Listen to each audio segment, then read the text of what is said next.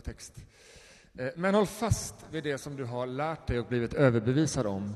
Du vet av vilka du har lärt det och du känner från barndomen de heliga skrifterna som kan göra dig vis så att du blir frälst genom tron i Kristus Jesus. Hela skriften är utandad av Gud och nyttig till undervisning, till bestraffning, till upprättelse och till fostran i rättfärdighet för att Guds människan ska bli fullt färdig, väl rustad för varje god gärning. Så lyder Herrens ord.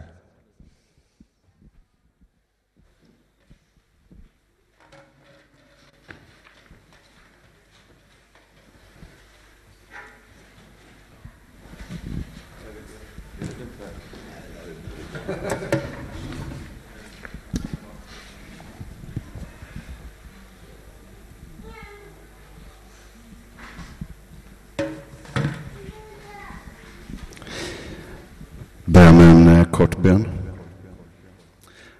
Herre, jag ber dig att använda mig som, eh, som din tjänare att få tala ditt ord, att du ska lägga eh, ord i munnen på mig. Jag ber att eh, heliga Ande ska vara med mig och att den heliga Ande ska vara här hos oss alla under gudstjänsten. Det är din gudstjänst, Herre, den är till dig. Det handlar inte om någon annan. Amen. Förra gången jag predikade så hade jag kortbyxor och tofflor. Nu är det vinterjacka som gäller. Eh, uh, ha, nej, men okej, okay. nu är det allvar. Nu är det predikan. När jag lyssnar på en predikan så brukar jag inta en så här vördnadsfull pose i stolen och eh, se respektfull ut. Liksom. Så här, jag är här, jag lyssnar, det är allvar, jag är med. Liksom. Och eh, det är viktiga saker som man står här och talar om. Eh, så absolut, men det finns en, eh, det finns en risk med att gudstjänsten blir för allvarlig. Alltså man, när det är slut så kan det bli det här, ah, skönt, nu behöver vi inte tänka mer på Gud och synd och så, utan nu är det liksom, hur är det med jag vet inte, bildäcken, hur går det med golfen? Det kan vi snacka lite om. Och då, ja, jag är jättedålig på den typen av konversationer, alltså kallprat, eh, småprat. Det brukar gå ganska stapplande. Jag vet inte, det är några av er som har råkat ut för det. Och det går, eh, ja men det, det, det, är liksom, jag har inte den förmågan. Det är inte att jag är ointresserad eller oartig, utan det, är liksom, det, det funkar inte riktigt för mig. Det gäller alla sammanhang. Ja. ja. Men om jag skulle få frågan, hur är det med din tro? Eller den sköna frågan, hur har du det med Jesus?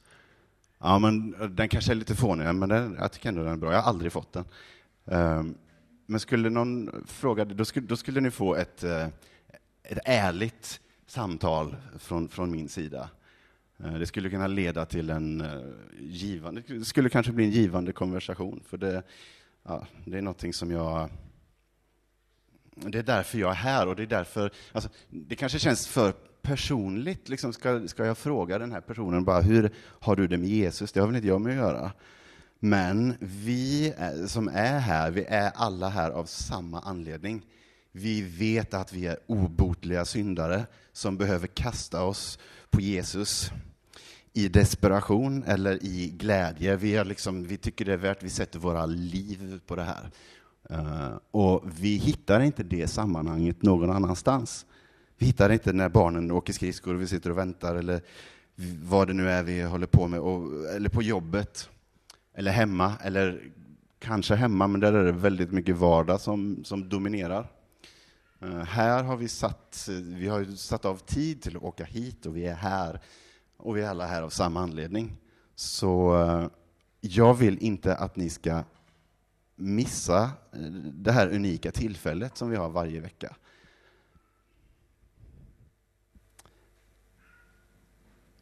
Hur, vad tyckte du om predikan, kan man fråga om man vill. Och sen känner man att nej, men den här personen vill inte, eller då har man ju tagit initiativet. Och, ja. Det var min inledning till inledningen. Jag ska prata jättelänge. Nej, men eh, okej, okay. jag eh, jag heter Alexander. Jag är inte någon speciell alls. Jag har ingen teologisk utbildning. Jag är ingen ledare här i Centro. Det är andra, andra gången jag predikar. Eh, så, och jag har inget nytt att tillföra. Bara kanske ett, eh, en ny röst, ett nytt ansikte att titta på, ja, mot de som brukar stå här. Då. Eh, och om någon säger att jag har någonting nytt att tillföra, då ska ni dra öronen åt er och vara väldigt, väldigt skeptiska. För att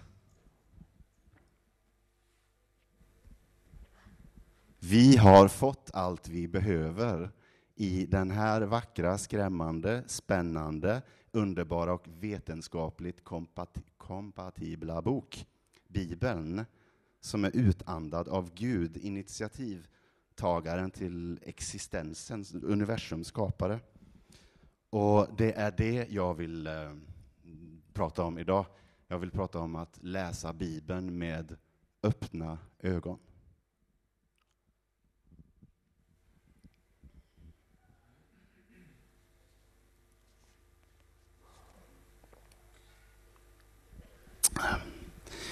Och vad menar jag med det? Öppna ögon. I Nationalencyklopedin så står det man måste ta hänsyn till att skrifterna hör till vitt skilda genrer och har kommit till i olika historiska situationer. Bibelns böcker har olika genrer. Det finns poesi i Saltaren. Det finns eh, brev, alla Paulus brev till exempel. Eh, det finns biografiska skildringar i, i evangelierna. Eh, min idol, om man får säga idol, eh, en av mina idoler heter William eh, Lane Craig. Han är filosof och teolog och han försvarar den kristna tron i debatter. Han menar på att första Moseboken är skriven i något som han kallar för mytohistorisk genre.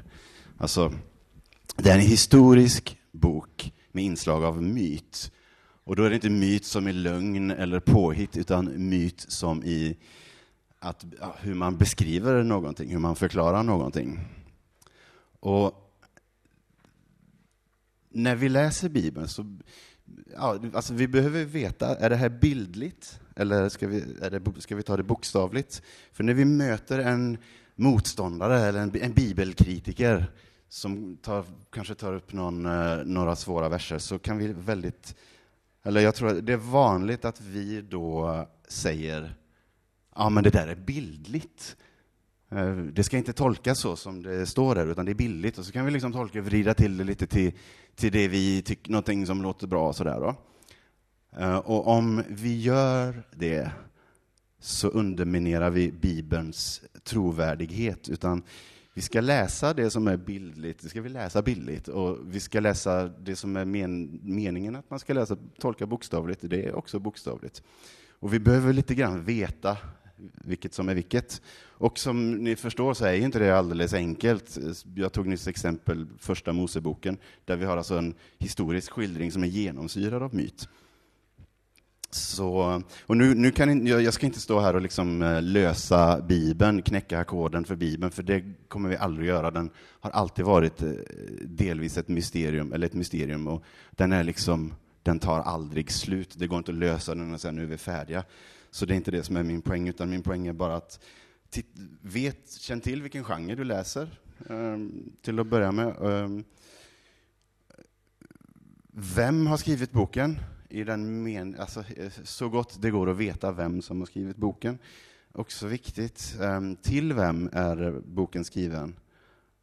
Och vad är budskapet och vilka förhållanden råder?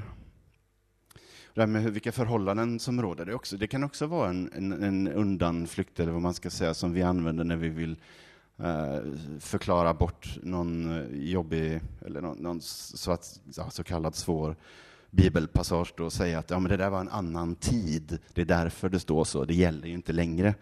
Det är också att underminera Bibelns trovärdighet. Eh, så därför behöver vi titta, istället titta på sammanhanget och vilka förhållanden som råder.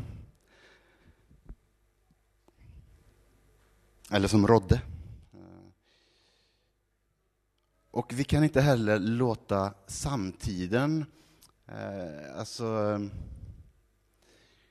styra hur vi läser Bibeln eller hur vi tolkar Bibeln. Man kollar hur blåser vindarna nu, vilka frågor gäller och var ska vi liksom vilken sida ska vi stå? Så kan man liksom åka lite slalom i Bibeln och ändra liksom meningen och få, få till göra, man sätter ett modernt filter på den och så tycker man att det här blev bra, det här passar nu, det här kör vi. Och så kan vi inte göra.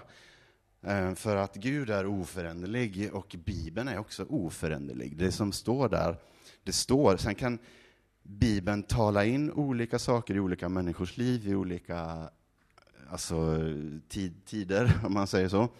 Så eh, den, den är inte statisk, men det står ändå det det står. Och vi kan inte ändra budskapet. Och det handlar lite om att vara konservativt bibeltroende. Det är ett uttryck som det, det, det liksom klingar lite illa i, min, i, mina, i mitt eget huvud. Jag, jag är konservativt bibeltroende. Eh, samtidigt så kommer jag att tänka på liksom så församlingar som jag inte vill tillhöra, som pratar så. Ja, men vad bra att jag är så förträfflig själv, eller hur? Nej, men eh, att vara... Vi, vi, har ju vi har tagit emot Jesus. Vi, vi har köpt hela det kristna konceptet. Vi kallar oss kristna och vi, jag menar, vi, vi, vi har en helig bok som är eh, utandad av universums skapare. Och vi kan inte, ja men så här, vi tar, vi tar 75 procent Paulus, och så kan vi ta halva Saltaren och så kan vi ta Lukas, Matteus kanske, och så, så, bygger vi ihop eh, det som passar bra, som vi tycker passar bra. Liksom. Så gör vi vår, vår egna lilla tro, eller våran, eh, ja vad heter det, som en sorts irrlära av något slag. Nej, men vi måste ju ta hela Bibeln. Vi, vi, har inget val. Vi behöver tro på hela Bibeln. Allting som står alla böcker. Och det är det som det handlar om att vara bibeltroende. Och, det, ja. och sen att vara konservativt bibeltroende, det är helt enkelt att bara, vi, vi tar Bibeln för vad den är. Det som står där, det står, vi läser texten för, eh, för vad den faktiskt är. Ehm, ja, är ni rädda när ni läser Bibeln? För det, jag är inte rädd när jag läser Bibeln, men jag kan bli lite sådär, oj, eh, vad står det här? Eh, det här kan inte jag hålla med om. Jag kan inte försvara det här. Jag kan inte... Jag, jag, har, jag kan inte stå för det här som står här. Så att, ja, men jag, jag, jag läser vidare lite, så står det här ja, här, vi ska älska varandra, står det. Ja, men bra, nu, nu, nu är jag tillbaka här i Bibeln. Då. Och, ja, men det behöver vi inte göra. Vi behöver inte ducka för några bibelverser alls.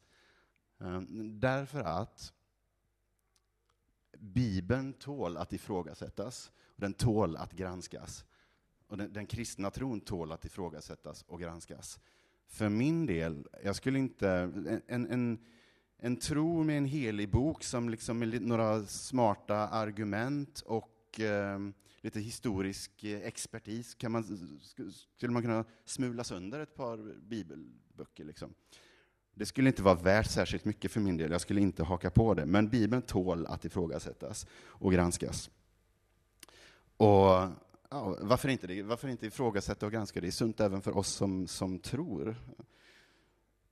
Ehm, jag ska ta ett exempel på en, eh, ja, en svår, en, kanske en problematisk, eh, ett par problematiska verser här. Det är Romarbrevet 13, vers 1 och 2. Jag läser en, ja, nu Bibelns eh, översättning här. Eh, Var och en ska underordna sig de styrande myndigheterna, för de är tillsatta av Gud. Det finns ingen myndighet som inte är av Gud, och alla har de fått sin makt av Gud. Den som sätter sig upp mot en myndighet sätter sig därför upp mot Guds ordning och kommer att bli straffad. Det här är ju verser som alltså, vilken myndighet som helst kan eh, missbruka. Eh, man undrar, liksom, är det någon på medeltiden som har stuckit in det här på något sätt utan att någon märkte det, någon, någon uh, auktoritet av något slag? Eh, men alltså tar vi det som en, ett lösryckt bibelcitat så är det ungefär där vi landar, liksom. vad är det frågan om? Men om vi då tittar på de här verserna, eh, alltså vem har skrivit det? Jo, det är Paulus som har skrivit det, och han har skrivit det till församlingen i Rom under den, den tidiga, eh, tidiga kyrkan, de första kristna. De har det ganska tufft som det är, och nu har vi kejsar Nero som sitter vid makten, och han var eh, galen. Eh, och vi kan nästan anta här att debatten har funnits, eller frågan har kommit upp, hur ska vi förhålla oss till överheten bland de kristna? Och Paulus ger ledning här. Han, han säger inte att all överhet gör Guds vilja. Och han säger inte att alla, eh, ja, alla ledare, överordnade, eh, är personligt tillsatta av Gud, utan han säger att, vi, han säger att det här är Guds ordning. Vi behöver en överhet. Och vi behöver en överhet för att kunna ha fungerande samhällen. Om vi inte skulle haft någon överhet så skulle det bli kaos. Um, och om Paulus skulle skriva ”Gör revolt mot överheten” eh, störta dem, då skulle det bli ännu tuffare för den första eh, kyrkan eller de tidiga. De hade det redan tufft, och det, skulle nog, och, och, det går inte hand i hand med Jesu budskap heller, att vi ska störta myndigheter. För att vara kristen, det är ju inte att göra revolution mot överheten, det, det är en revolution på insidan och inte utåt.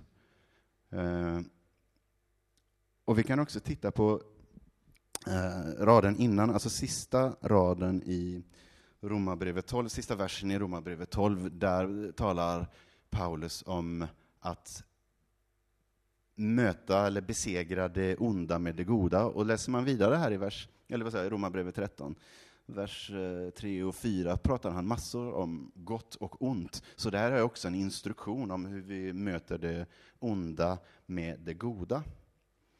Sen om man ska dra saker till sin spets så kan vi titta i Apostlagärningarna 5.29. Där står det man måste lyda Gud mer än människor. Bara så att vi har det liksom färdigt för oss. Men eh,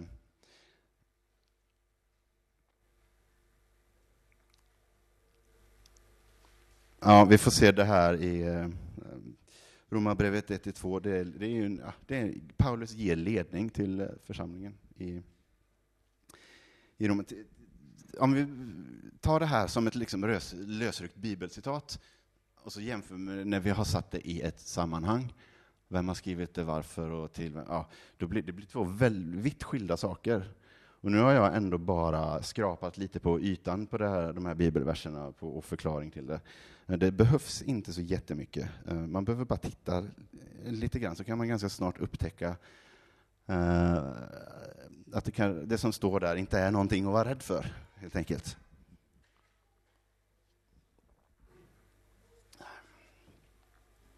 Svenska kyrkan går så långt så de säger all bibelläsning ställer krav på ansvar. Och om vi läser Bibeln på det här viset så kommer det att gagna oss. Vi kommer att lära oss mer, vi kommer att förstå Bibeln bättre och vi kan eh, lära varandra, hjälpa varandra att förstå Bibeln bättre. Och i mötet med andra så har vi jättemycket nytta av det här. För det, det kan vara någon, alltså någon som är nyfiken på den kristna tron eller på Bibeln. Det kan vara lat bibelkritik, eller det kan vara påläst bibelkritik. Uh, om vi känner att vi har att Bibeln har våran rygg, så kan vi bemöta de här, eh, både den eh, lata bibelkritiken och den pålästa bibelkritiken. Vi kan, vi kan parera den. Eh, sen handlar det inte om att nu ska vi trycka ner våra ja, motståndare, kallar jag dem. Jag menar inte att alla som inte är kristna är motståndare, men eh, bibelkritiker. Det handlar inte om att nu ska vi trycka ner er i skorna och bara vi vann, eller Bibeln vann, utan det är liksom eh, vi, vi vill visa att Bibeln fungerar. Och jag tror att det finns många som vill bli kristna, som är lockade av, av eh, det de ser hos, hos kristna människor, hos den kristna tron, det, vad, vad den står för och tycker att det här verkar bra. Men Bibeln står i vägen, för den är så, man, har liksom, man har ju hört, ja, den är så konstig, det står så eh, mycket knäppa grejer i den. Liksom. Så då har vi Bibeln som ett hinder till människors eh, tro till, på, på Kristus, på, ett hinder på vägen till Kristus. Om vi då kan visa att Bibeln faktiskt fungerar så, kan vi, så är det hindret borta och förhoppningsvis har eh, någon själ kommit fram till Jesus, eh, ja, något till Jesus. Ja, ni förstår poängen där. Eh.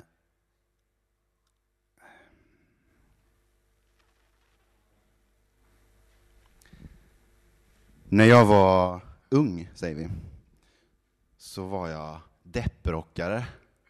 Det är typ som emo nu, fast lite annorlunda. Eh, svarta kläder, eh, svart hår, allting är meningslöst. Lyssna på The Cure. Jag såg det konstigt, jag tänkte det där är min grej, det där kör jag. Och jag gjorde det i, i ganska många år i min ungdom. Eh, eh för ett tag sedan så läste jag Predikaren, eller, eller början av Predikaren. Det handlar om king, eh, kung Salomos eh, sökande efter mening. Och vers två i Predikaren är Tomhet, idel tomhet, säger Predikaren. Tomhet, idel tomhet, allt är tomhet. Och om, om någon hade stuckit till mig, predikaren, när jag var i den här känsliga, sköra, självdestruktiva eran i mitt liv, då hade, jag var inte kristen, jag hade inga planer på att bli det, men hade någon stuckit till mig predikaren och jag hade läst den, då hade jag eh, garanterat eh, fått upp ögonen för Bibeln, för det där hade resonerat med mig, eh, predikaren. Allt det här beroende på vilken översättning man läser så används också ordet meningslöst väldigt, väldigt många gånger. Och jag hade nog blivit väldigt, och tänkt att vad det här, vad är detta? Jag hade fått upp ögonen för Bibeln.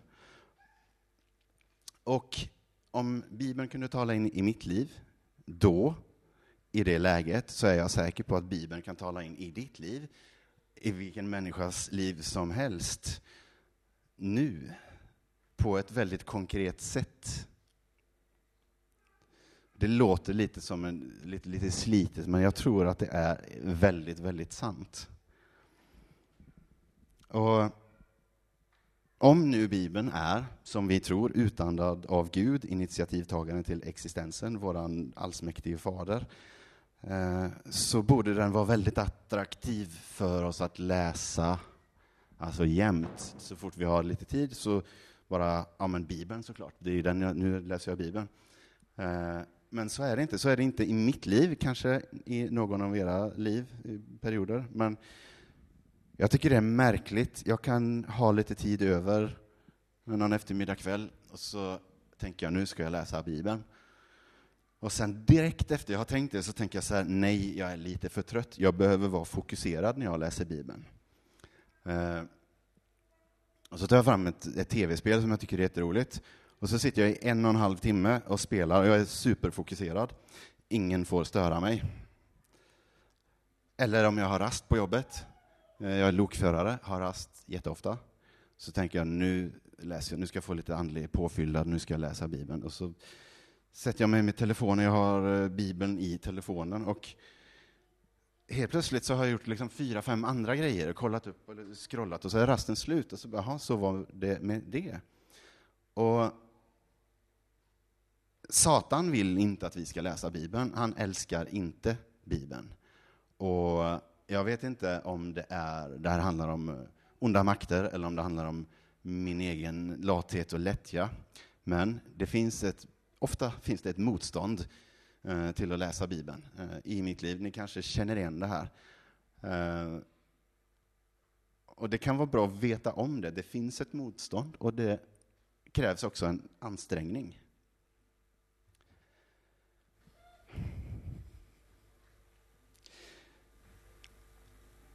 Jag har inte gått på djupet på någonting idag. Jag har bara eh, rört lite vid olika saker gällande Bibeln. Eh, jag vill uppmuntra er att gå lite djupare i de här eh, grejerna, grejerna, titta mer noggrant på det. Jag vill inspirera er att läsa Bibeln på ett sätt som gör den mer verklig och mer levande. Visa andra att Bibeln kan funka. Eh, jag vill att du ska veta att du kan behöva anstränga dig, men att det är så eh, värt det. Eh, och Bibeln är en personlig gåva från Gud till dig. Och Det låter också lite slitet, men alltså det, är, det, är, det, är så, det är det i sanningen. Det är våra skapares bok som han har gett oss. Det är, jag tycker det bara är så fantastiskt och, och helt underbart. Det är nästan svindlande tanke om man, om man tänker mer noggrant på det. Eh, det står i första Petrusbrevet, om någon frågar om ert hopp ska ni alltid vara beredda att redogöra för det. Ja, jag avslutar med en, eh, liten bön här. Jag ber dig, Herre, att du ska fylla oss med törst efter ditt ord. Jag ber att du ska göra ordet levande för oss. Jag ber att heligande ska undervisa oss när vi läser Bibeln. Amen.